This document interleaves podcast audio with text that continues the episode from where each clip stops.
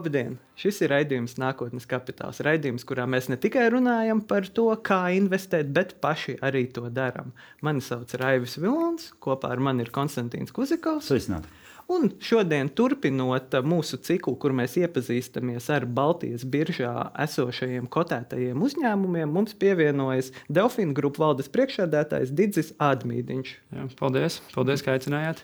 Jā, un uh, pirms mēs uh, sāksim runāt par to, kā veicas Delfīna grupa, Konstantīns uh, īsi atskaitīsies par to, kā iet mūsu trīs portfeļiem. Jā, kā parasti mēs skatāmies katru nedēļu par to, kā veicas viena no, mūsu portfeļiem. Un šobrīd ir jāatzīst, ka es, tu, mans portfelis uh, turpina kritumu, jau minus 4,2%. Šis portfelis pilnībā tiek sastādīts no ASV akcijiem. Tad, kad trāvim veicas ļoti labi, visticamāk, kriptovalūta palīdz. Bet bez tā visa rāvja portfeļa arī ir peer-to-peer platformas un baltais akcijas.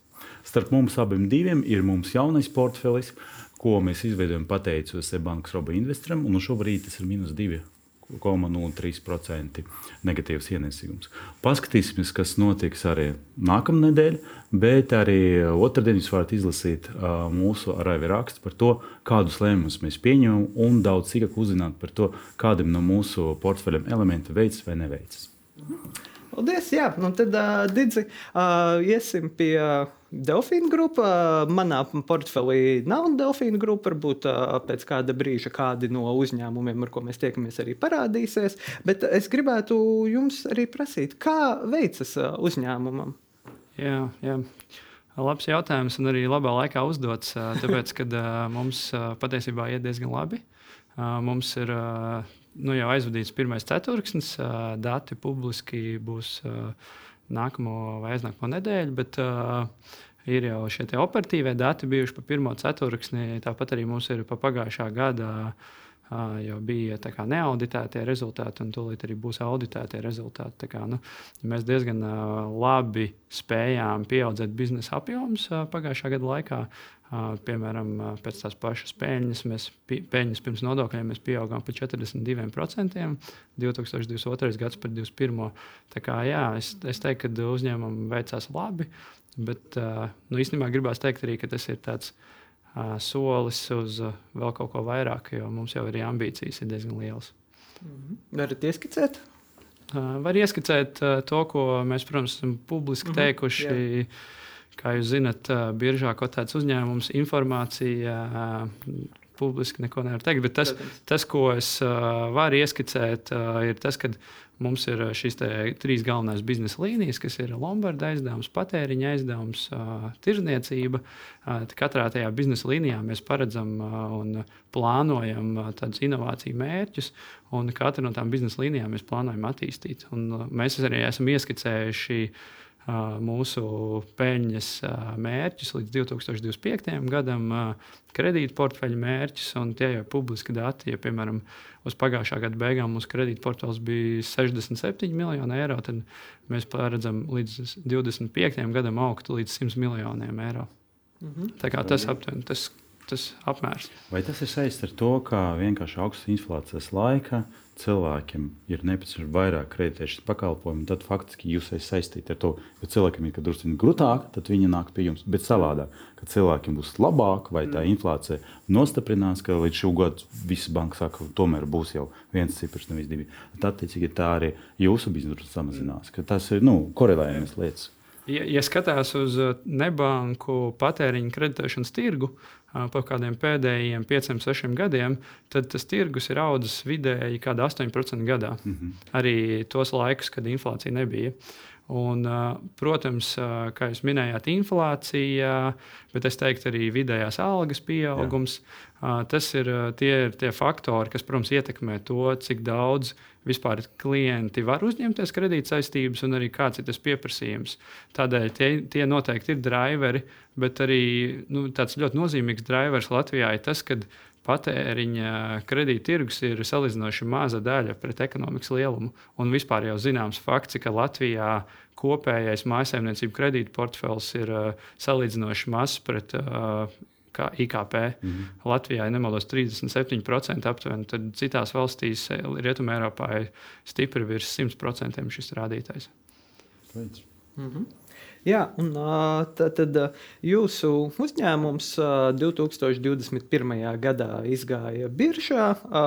Kā es katrā raidījumā, kad pie mums viesojas, kāds saku, ka tas ir salīdzinošs retums, nu, tāpēc, ka kopumā Baltijā, Igaunijā un Lietuvā drusciņi aktīvāk, bet nu, Latvijā mums ir saujiņa uzņēmumi, kuri spēruši to soli. Un, piemēram, tāpat SAF tehnika, kuru Normons Bergs pie mums viesojās iepriekšējā raidījumā, viņi to izdarīja jau ļoti sen. Un arī kā viņš mums stāstīja, tie bija specifiski mm. apsvērumi. Tad kādēļ jūsu uzņēmums izvēlējās startēt biržā? Jā, mums jau ir arī citi piemēri, tas pats virši, mm. tas pats Madara kosmētikas.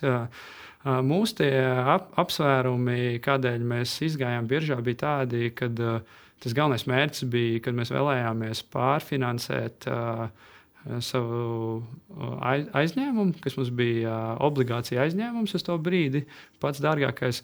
Un, tas mērķis bija atbrīvoties no šīm saistībām, tādējādi būtiski samazinot izmaksu bāzi. Mm -hmm. un, mēs arī to ļoti veiksmīgi izdarījām. Mēs faktiski uzreiz pēc mūsu publiskā akciju piedāvājumu mēs atmaksājām līdz gada beigām, 21. gada beigām, mēs atmaksājām pašu dārgāko parādu. Protams, cita lieta ir tas, ka pēc tam ļoti būtiski pamainījās tirgus situācija 2022. gada februārī un kapitāla tirgi kļuva būtiski dārgāki. Bet mēs uz to brīdi ļoti būtiski samazinājām šīs izmaksas. Tas arī bija tas galvenais iemesls. Bet, bet otra tāda būtiska lieta ir tas, ka mēs, mēs īstenībā bijām ļoti gatavi tam kā, lai izietu kapitāla tirgos. Faktiski mēs jau bijām kapitāla tirgos no 14. gada ar uh, obligācijām. Mēs pirmo reizi 13. gadā izdevām obligācijas, un 14. gadā viņas nokotējām uh, biržā. Un tad mums jau bija uh, reporti, mēs zinājām, ko birža no mums prasa. Tas, tas nebija tik liels jaunums. Un, ta, un mēs bijām tam gatavi. Un tas arī, arī bija tāds iemesls. Un tur iegūmi īstenībā ļoti daudz ir no tā visa, jo iegūmi tādi, ka uh, mēs esam daudz caurspīdīgāka kompānija.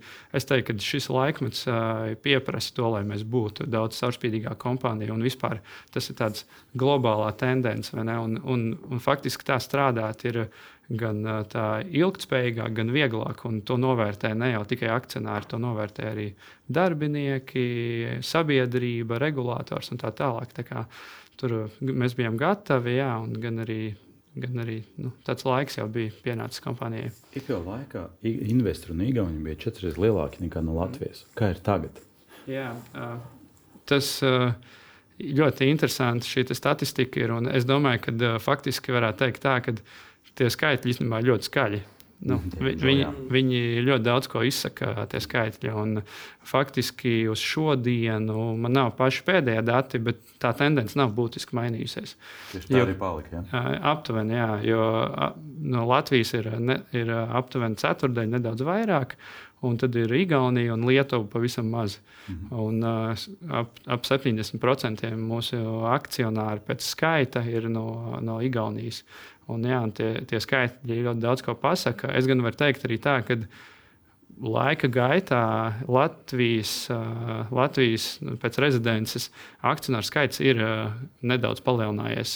Tā daļa nedaudz. Gan kopējais akcionāru skaits ir palielinājies, gan arī tā Latvijas daļa tajā ir palielinājusies. Tas ir ļoti labi, ka Latvijas beidzot sāk investēt vairāk. Jā, es domāju, ka savus uzņēmumus. jā, nu, tur droši vien arī gan jūs, gan citi, kas par šīm tēmām runā, es domāju, ir darījuši ļoti daudz tā bāze ir tik maza arī, ne, kad īstenībā katra tā lieta, katra informācija īstenībā ļoti lielu ietekmi iedod. Un arī es domāju, arī katrs tāds jauns IPO vai obligāciju, kāda emisija, kur ir publiski pieejama, viņi īstenībā iedod. Katra tā lieta kaut ko, kādu investoru pārliecina. Un tā kā tā bāze ir tik maza, īstenībā viņu dubultot varbūt nemaz nav tik grūti. Un... Tad, kad mums bija ciemos vīriešu vadītājs, viņš arī pastāstīja par to, ka viņam gan ir speciāls piedāvājums tieši viņu akcionāriem, bet tur jābūt jau man liekas, 500 eiro. Viņš pieminēja, ka jābūt investētam tā tālāk. Gan arī aptuveni aprakstīja, kas tas par tādu tēlu, tā, tā akcionāra tēla vai investoru tēla. Mm. Vai jums ir kaut kāds speciāls piedāvājums akcionāriem, vai jums ir zināms, kas ir tas tēls, kādi ir mm. cilvēki pērk jūsu akcijas un kāpēc? Jā. Ko viņi sagaida no jums? Nu, es zinu, noteikti, ko sagaida. Mēs, mēs esam jau saukti par dividendžu izmaksu čempioni.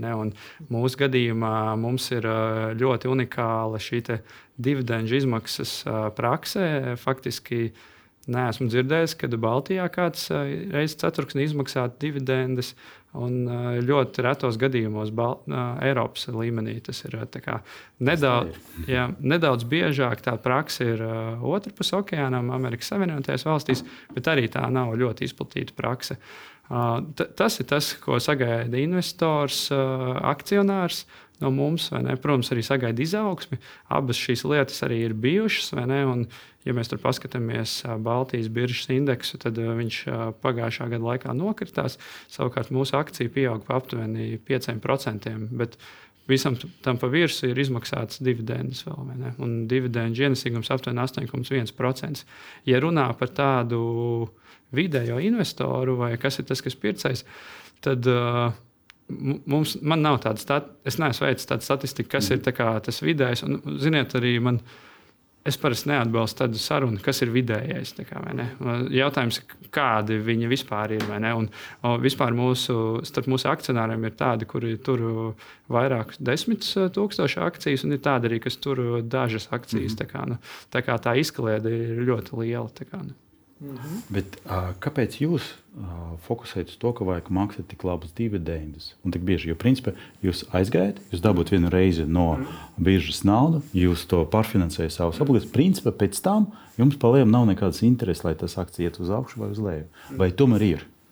Uh, nu, protams, ka ir interese, lai akcija iet uz augšu.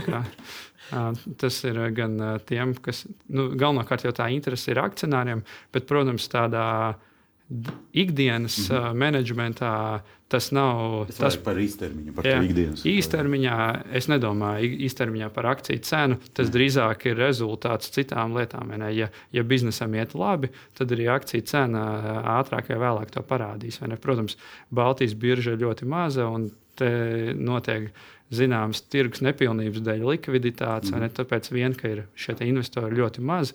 Bet uh, ātrāk vai vēlāk, uh, ja, ja uzņēmumam iet labi, tad arī akcijai ies labi. Vai, ne? vai arī, ja tā nav, tad tā ir ļoti laba investīcija, vai tas ir tā kā, nu, tāda pērle atrast. Un, bet uh, par, par dividendēm, nu, tur var teikt tā, ka tas, tas bija tas mūsu solījums akcionāriem. -hmm. un, un tas tāda dividendžu politika.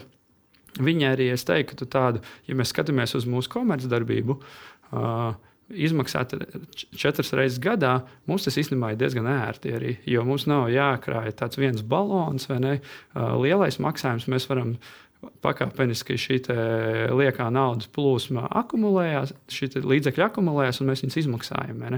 Un vienīgā nērtība, protams, tur ir tas, ka jā, katru reizi jārīko šīs akcionāru sapulces. Mums katru reizi pie dividendžu izmaksas mums ir ārkārtas akcionāru sapulces. Tā ir tāda būtībā izmaksa un tāda vienīgā nērtība. Bet citādi tas arī no tādas naudas plūsmas viedokļa ir diezgan ērts. Un, Jā, un pa, pašu to lielumu mēs solījām, ka mēs maksājam 50%. Man liekas, ka uh, tas ir ļoti samērīgs lielums. Mēs pusi atstājam uzņēmumā un vismaz pusi otru izmaksājam. Tas ir tie, tie, tie lielumi, ar ko mums ir kā, nu, jāstrādā. Tas ir interesanti, jo Warren Buffets saka par to, ka viņam nepatīk investēt akcijās, kuri maksā dividendus. Tas nozīmē, ka šis uzņēmums vairs nemēģina to naudu reinvestēt. Mm Bet jūs pateicat par to, ka jums ir liela plāna un jūs gribat arī katru savu virzienu attīstīt. Vai tas pusi no peļņas pietiek, lai uh, augtu un investētu un, un uh, atvērtu jaunus biznesus? Protams, ka uh, pusi no peļņas izmaksāšana dividendēs ir savā ziņā limitējošs apstākļus. Uh, citādi nevar būt. Bet mūsuprāt, un arī tie tie plāni, kurus mēs esam iezīmējuši līdz 25. Mm -hmm. gadam, viņi ir eh, ņemti vērā, ņemot vērā šo praksi. Tas ir viss ņemts vērā jau. Un, eh, protams, kad uh, nākotnē ir potenciāli iespējams, un par to mēs varam spriest, ir citi veidi, arī vēl kā palielināt kapitālu. Tāpat tās, piemēram, uzņēmums var taisīt otrreizējo akciju mm. piedāvājumu, un ir arī citi instrumenti. Tā kā, nu, jā, tas, tas ir salāgots mūsu Eh, izaugsmu ar šo praksi. Un, uh, tas arī īstenībā mūs varbūt stimulē nopelnīt vairāk. Uh, un tad, attiecīgi, ja mēs vairāk pelnām, tad mēs arī varam straujāk augt. Nu, tā. Kad pie mums atkal Konstants jau pieminēja, pie mums viesojās virsmu vadītājs. Viņš stāstīja, ka viņiem arī no sākuma tas sākotnējā akciju piedāvājumā liels pārsvars bija Igaunijas akciju pircēji, bet viņiem tas līdz šim brīdim, plus mīnus līdz 23. gadam, ir izlīdzinājis, un Latvija pat ir nedaudz pārsniegusi. Kā jums šķiet, kāpēc tas ir? Vai tas varētu būt saistīts ar to, nu, ka uh, nav noslēpums, ka nebanku kredītdevēja sektors Latvijā nevienmēr ir tas tā mīlētākā nozara. Nu, ir daudz uh, negatīva, un mums arī bijusi negatīva pieredze, sevišķi nu, pēc krīzes un krīzes periodos. Vai tas varētu būt kaut kā saistīts ar uh, to, un varbūt Igaunijā kaut kā skatās pozitīvāk uz uh, jums, vai Igauni vienkārši ir kaut kā aktīvāk uzķēruši to un mīl dividendes, mm. piemēram? Es domāju, ka uh, tur ir tā, ka uh, varbūt citi zīmoli, it īpaši tie, kas strādā uz masu tirgiem, un mēs arī, protams, strādājam uz, uz, visu sabiedrību, viņi var kļūt iemīlēti sabiedrībā, mm -hmm. un tas noteikti arī veicina to, ka viņos iegulda.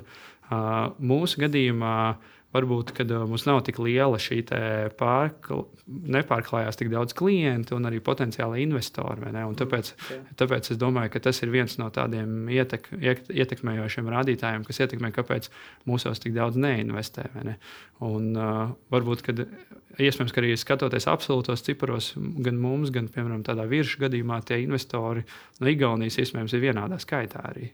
Tikai nu, tur ir jautājums, kāda ir tā kopējā investoru bāze. Mm -hmm. Bet uh, es domāju, ka tas ir laika jautājums. Mēs jau arī tas, kā mēs uh, vedam savu biznesu, mums ir uh, šīs te, jaunās biznesa līnijas, kā piemēram internetu veikals, kā piemēram uh, preču uzpirkšana, uh, kas ir arī, es domāju, ka ar vien vairāk uzrunās arī to auditoriju, kas ir aktīvai investori ikdienā. Un arī tie aktīvo investoru bāze aug, tad mums vajag kļūt labāk redzamiem, lai mēs tā kā Nu jā, virsmas daudz vienkārši tāpēc, ka viņa ikdiena ir kā zīmols. Jūs attīstāt jau pretrunā citu nosaukumu. Jā, mums arī atš atšķirās, jo mēs faktiski sabiedrībā esam pazīstami ar šo vārdu banknote. Jā. Un jā. vīzija, un, bet tas šo akciju, publisko piedāvājumu un akcijas tirgo Delfīna grupa. Tur ir tāda atšķirība. Un ir, ir pat uh, dzirdēts, ka humors, ka cilvēki domā, ka Delfīna grupa ir mēs. Jā, Delfīna. Man daži draugi zvana stāsta, ka jūs to Devis Express grupa, bet Delfīna grupa. Tā kā ir pat tāda gadījuma. Bet neesmu vēl viena lieta, ka Igauni vienkārši daudz vairāk investoru. Jā. Un, un tāpēc viņu skaitliski. Un vēl kas ir būtiskāk, bija, ka viņi nolēma atdot atpakaļ.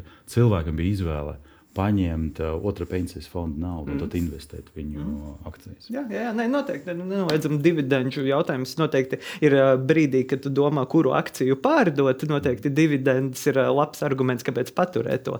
Mēs varam arī paskatīties uz ekrāniem, kā ir veicies līdz šim, sākot no IPO brīža Līdz šodienai tā tad zemākā cena, kas ir bijusi tā tad 22. gada kritumā, tātad nedaudz pēc kara sākuma, kad visas Baltijas akcijas ievērojami cieta ir eiro 28. Augstākais posms ir bijis salīdzinoši nesen, starp citu, eiro 53 centi. Un kopumā no IPO brīža ir neliels akcija, ir nedaudz lētāka nekā tad, kad jūs startējāt šobrīd. Kādas ir uh, projekcijas? Protams, uh, atkal jūs ierobežojat dažādi uh, biržā tirgot uzņēmumu nosacījumi, bet uh, kā, kāda ir nākotnē? Jā, būt augstāka. nu, jā, runājot par to, vai tā cena ir godīga.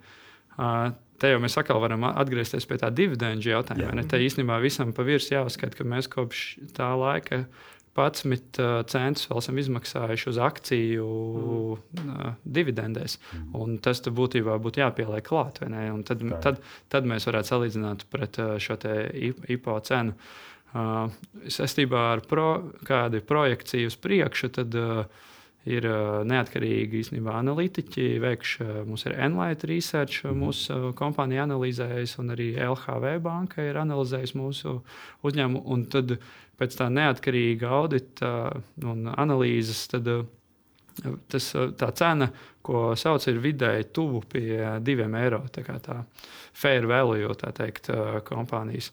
Un, 25% klāt. Jā, un, nu, un, un tas ir lielā mērā stāsts par to, cik ir likvīda birža, cik vispār teiksim, tā, uz ielas ir šī nauda, mm. ko potenciāli var investēt. Jo zināms arī, ka Baltijā daudzas kompānijas ir zem šī fair value. Un, uh, uz priekšu skatoties, nu, es, es teiktu, tā, ka es domāju, ka to rādīs uh, biznesa, rādi, biznesa metrikas.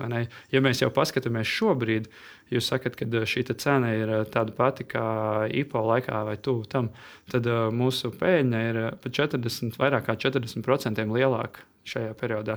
2021. gadā mums bija 5,2 miljonu peļņa pirms nodokļiem, un uh, 2022. gadā 7,3 miljoni. Tas, tas jau vien jau ir. Es domāju, ka tas fakts, ka jums cena ir augstāka par IPO laiku, tas arī ļoti labs. Jo mēs ar Aivinu nesen redzējām vienu tādu tabuliņu par ASV lielākiem IPO. No top 20 tikai trim izdevās savu kapitālu palielināt, vai savu vērtību palielināt. Visiem pārējiem bija zem tā visa. Tā kā jums jau ir labi. Jā, mē, mē, es domāju, ka mē, te būtu jāņem arī vērā tas, ka Atšķirībā no ļoti daudzām kompānijām, kas veic šos IPO, tā skaitā, te, te drīzāk varētu runāt arī par to pašu Igauniju. Mm -hmm. Mums uh, bija nobriedis biznesa case jau. Mums ir, mēs uh, 13 gadus jau esam pelnoši. Faktiski no pirmā gada, kad kompānija nostrādāja pilno gadu, mēs esam pelnoši. Mums ir reāli klienti, mums ir reāls kredītportfels, mums ir reāla bilance. Mums ir, biznes. mums ir reāls bizness. Un uh, citiem tas ir uh, vairāk jau tur Baltijā bijis dažos gadījumos, ka tāds tā kā crowdfunding, kad Jā.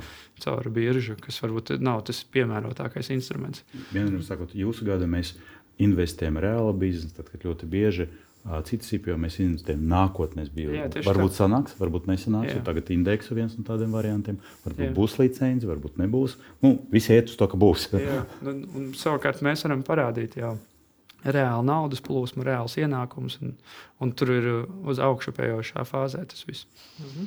Un, uh, jūs arī ne tikai esat sākuši ar obligācijām, jūs arī turpināt uh, mm. regulāras obligāciju emisijas. Ja uh, nemaldos, šobrīd ir uh, trīs, uh, kas ir aktīvas, uh, kurā, kurā, kuras briest, tā mm. teikt. Uh, un uh, dažas no tām ir uh, pieejamas šaurumlokam, dažas publiski. Kāds ir tas, uh, man vienmēr interesē, kāds ir tas apsvērumi, kāpēc uh, ir, kur, Ko, ko, ko tajā brīdī uzņēmums domā, ka, ka tas izvēlas, vai tās mm. obligācijas tiks nu, plašai publikai, arī tādiem kā mums ir Konstantīna piedāvāts, vai tas būs speciāliem investoriem ar daudz lielākām summām? Nu jā, mums ir tā saucamais angļuiski private placement, tās lielākā daļa no tām obligācijām ir bijušas. Un tā otrs veids būtu publiskais šis piedāvājums. Un, uh, mēs esam uh, līdz šim biežāk tas ir bijis private placement, savukārt šī viena ir pēc tam biržā kotēta First North sarakstā. Un, protams, ka tur liela loma ir investīcija bankai. Investīcija banka jau jūt šo pulsu, mm. vi, kas šo procesu organizē. Ja jau ir šī investoru bāze, kas varētu investēt, viņi jūt gan kāds ir šis pieprasījums, gan mm. kādi varētu būt nosacījumi un tā tālāk. Un, protams, arī laika gaitā Mūsu, nu, mēs jau no 13. gada izlaižam obligācijas. Mums jau ir tā uzticamo investoru bāze, kas investē šajās obligācijās. Bet mēs neizslēdzam, ka nākotnē varētu būt arī publiskas obligāciju.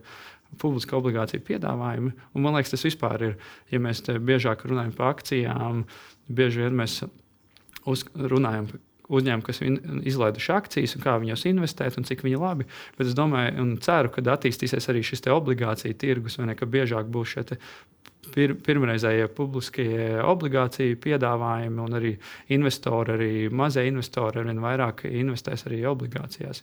Jo daži piemēri Baltijas valstīs ir bijuši, bet faktiski viņi ir nu, mazāk daudz nekā akcijās šīs iespējas ieguldīt. Bet no nu, manas portfeļa jau, nu, jau sāku procesu, kad es pārdodu ETF, pērku Latvijas krājuma obligācijas. Mm -hmm. Ok, varbūt tur tikai jau tagad tuvojas 4%, bet tas ir stabili. Mm. Tas ir stabils un tas ir ļoti vienkārši. Cita lieta, ka tas ienākšana obligāts tirgu dažreiz ir ļoti augsts, jo daži mm. grib tikai tūkstoti, vai sākot no desmit tūkstošiem pat ir tāda. Bet es domāju, ka tas ir pietiekami potenciāli. Ļoti liels potenciāls. Nu jā, bet ar valsts ob krāja obligācijām jūs pie 8% vai, vai, vai vairāk. Tas ir labāk nekā mana minus 4 tagad. jā, jā, tā kā, bet obligācija tirgu šie paši ieguldījumu iespējas. Tagad jau arī par 11% viņas ir virkne. Tā, kā, tā skaitā uzņēmumu, kas ir Latvijā zināmi. Jā. Jā, jā, jā. jā. Un tuvojoties raidījuma beigām, mēs vienmēr arī gribam nedaudz aprunāties ar mūsu viesi par viņa paša gan vīziju, gan plāniem, gan paradumiem. Tātad, kur, kur un vai jūs investējat un uzkrājat mm. naudu? Jā, nu, es eh, šo investīciju dzīvi dzīvoju, es teiktu, gan arī jau kādus desmit gadus, kad es uh, uzsāku sāk, sāk tādas pirmās investīcijas veikt. Un, protams, man šo, uz doto brīdi apstākļu sakritības dēļ man liela investīcija ir tieši šis Delfina grupa akcijas, mm. ne, no kā varbūt iegūst arī citi akcionāri, mazie akcionāri. Un, un tas ir viens tāds liels aktīvs. Tāpat arī nu, es personīgi priekšroku īstenībā dodu līdzīgām kompānijām, kā esam mēs paši, kā Delfina grupa. Man personīgi patīk kompānijas, kurām ir stabils reāls biznesa case un kurām ir arī stabila dividendžu politika. Un, un, un, un tad es skatos, vai, kā tas bizness varētu nākotnē attīstīties un kādi ir tie potenciālai riski. Ja runā par geogrāfiju, tad uh, man patīk īstenībā māju tirgus. Arī man ir virkne no Baltijā kotētajiem vērtspapīriem, akcijām, uh, gan no Lietuvas, gan no Igaunijas, gan no Latvijas. Uh, tāpat arī man patīk Eiropa. Man patīk, ka Eiropā ir daudz nobriedušas kompānijas ar labu dividendžu politiku. Ja runā par tādiem citiem instrumentiem, tad ir šīs P2P platforma, Mintas, kurā īstenībā mēs arī paši esam aktīvi. Protams, lai nebūtu interešu konflikts, es neinvestēju mūsu pašu aizdevumos. Un tad ir jā, trešais pensiju līmenis. Tas ir ļoti izdevīgs arī var izmantot šo nodokļu atmaksu. Un tad, nu, tas ir tās, tās, tās lielākās grupas. Ir. Tas ir vairāk vērtspapīri vai tas kaut kādas privātas investīcijas arī? Ka teiksim, jūs pērkat daļas no uzņēmuma? Kapitāla? Nē, es, es, es runāju vairāk par uh, biržā kotētiem uzņēmumiem. Mhm. Bet, uh, jūs pieminat ļoti daudz tā saucamas vērtības uh, akcijas. Mm. Stabils bizness, kur principā varētu nebūt ļoti liels izdevums, bet ļoti stabila dividendžu mm. politika. Vai ar šādu politiku var nopelnīt uz pašu 8%? Nu, jāmeklē iespējas. jā, nu, nu, tirgi jau aug aptuveni ar, ar to ātrumu. Kā, ja izvēle nav bijusi klāja nepareiza, tad vajadzē, ilgtermiņā vajadzētu varēt. Un, nu, man liekas, ka īstenībā jau tādas labākās investīcijas ir eh, tad, kad uh, tu nenobīsties īstenībā, no, no tādām situācijām, kad uh, tirgi lejā. Kad visi baidās. Jā, un kaut ko nopirkt uh, lēti, bet reāli tu redzi, ka šis uzņēmums ir reāli naudas plūsmu ģenerējoši, viņam ir reāli klienti, reāls biznesa case. Un, nu, tu visdrīzāk saproti, ka viņš nekur nepazudīs tādā 20 gadu perspektīvā. Vai bija daudz vēstures, tāds veiksmīgāks case, par kuru ir nu, lepni varat pastāstīt? Ka nopirku kādreiz par eiro un pārdevu par miljonu. Vai arī jūs nepārdodat, varbūt jūs Jā. visu Nē, bet izaugat līdz līdz. līdz. Nē, ir, ir, ir bijusi virkne, nu, nevis virkne, bet vairāki šādi gadījumi kad uh, tas ir pārsvarā bijušas kaut kādas akcijas no Eiropas. Ne, kad, uh, tāpat varbūt kompānijas, īstenībā, kuras šobrīd jau ir atkal nokritušas savulaik, ir piemēram tā pati Deutsche Lufthansa mm -hmm. ir bijusi ļoti veiksmīga investīcija, kas tagad īstenībā vairāk jau nav. Jā. Nebūtu, ja viņi būtu turēti. Lai cik pārdevēt. Jā.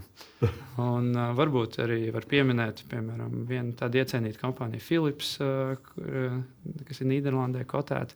Tā kā šādi gadījumi ir. Un man, man ir arī dažas tādas akcijas, kuras es, man viņas ir piederējušas vairākas reizes. Kā, mm. un, un tad, Mhm. Un tad, uh, ja tu to biznesa keisu viņu pietiekami labi izpēti, tad arī saproti, kāda ir tā viņa aptuvenā vērtība. Un, un uh, būtībā var izmantot reizēm šīs kaut kādas tirgus nepilnības, un, kad, vai arī vai ir bailes. Principi, kam jūs sekojat? Jūs, jo, jo, nu, no vienas puses, viens no principiem, ka okay, mēs investēsim un turam ļoti, mm. ļoti nu, vairākus gadus, ļoti ilgi. Un tad, principā, mēs varam Pats statistika liecina par to, ka jau pēc teiksim, desmit gadiem cena visticamāk izaugs vismaz mm, par kaut ko. Tieši tā.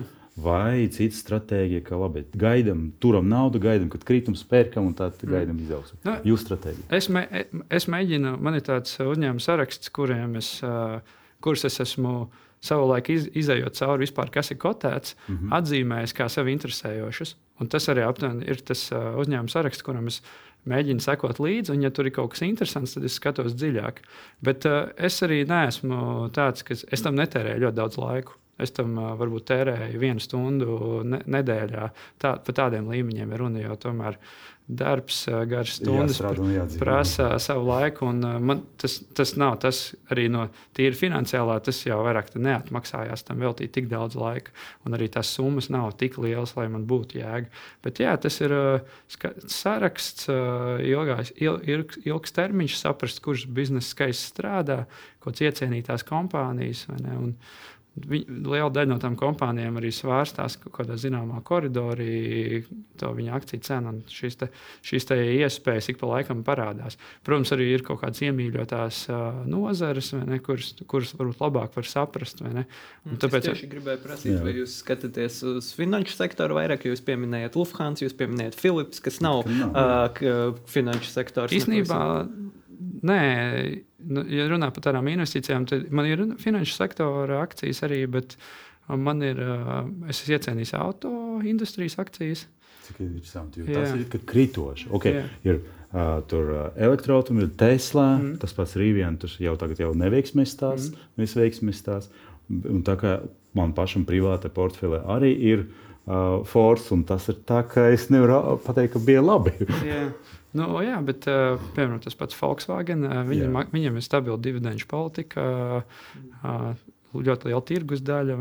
Tā un, ir. Jā, ja nemaldos, otrs lielākais autoražotājs pasaulē. Tā ir. Šobrīd, pirmo, šobrīd kapitalizācija ir reizes liel, mazāka nekā Teslai. Reizes mm -hmm. kādas sešas iespējams. Jā, jā. Bet kvalitāte dažreiz labāka. Kā jūs nonācāt līdz tam interesam? Pēc jūs vienkārši ik, ikdienā interesēties par auto kā hobiju ziņā, vai tur kaut kā nonācāt vai līdz tam skatoties uz patēriņu? Vienkārši interesanti, kā, kā jo nu, mums daudzi viesi un daudz eksperti ir teikuši, nu, ka cilvēkiem vajag ieguldīt tajā, ko viņi zina. Mm -hmm. nu, mhm. teiksim, tad loģiski, skatoties jums, liktos, nu, finanšu sektors, jo jūs strādājat tajā.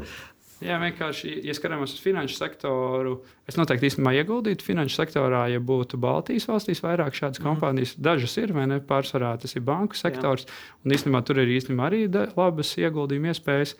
Uh, ja runā par tādām, uh, kuras es ieguldīju, tad uh, īstenībā varbūt tas var saukt nevis par uh, auto industriju, bet tā ir ražojošā industrija lielā mm -hmm. mērā. Ne, tā ir, ir, tas ir, jū, man, man ir tāda tā. Jā, ne, tas, tā, tā ir tāda varbūt privātā interese. Jā, man, man patīk auto industrija un par to interesējās, tāpēc es arī par to labāk saprotu. Un, un, un, un, un skatoties, tu, tur šīs investīcija iespējas ir, atdeve tur ir, vai ne? Un, tam visam pieliek klāt, ka, ka es to saprotu, ne, tad, tad arī tas veido labu investīciju. Nu, tā varētu būt. Jums tā ir līnija, vai cik gāra ir šī līnija? Tāpēc, ir divas stratēģijas. Buffets turas pie tā, ka visiem desmit uzņēmumu mm. un pietiek. Tur um, Reija Dalija saka, nē, jābūt gandrīz tur simtiem. Mm. Kāda ir jūsu stratēģija? Ne, tas, kur es esmu investējis, ir runa par patsmitiem, lieliem patsmitiem, bet uh, tas saraksts ir uh, pieņem vairāk desmiti. Mm -hmm. nu, ko, ko, Bet tas sanāk, katru nedēļu iziet, iziet cauri. Nē, tas nav katru nedēļu. Tas ir varbūt reizes gadā apstīties, kas vispār ir radarā, lai netērētu laiku uz to, kas varbūt. Kas kā, kur nav jēga tērēt laiku, mm -hmm. jo laiks ir mūsu vienīgais ierobežotais resurss. Un, un, un tad jau attiecīgi ir, kad ir noskrīnēts, kas interesē vispār, vai ne, tad jau tu redzi ziņu portālos, investīciju kaut kādās ziņās, podkāstos un tā tālāk. Tu jau uztver to informāciju, ne, un tam tu seko līdzi.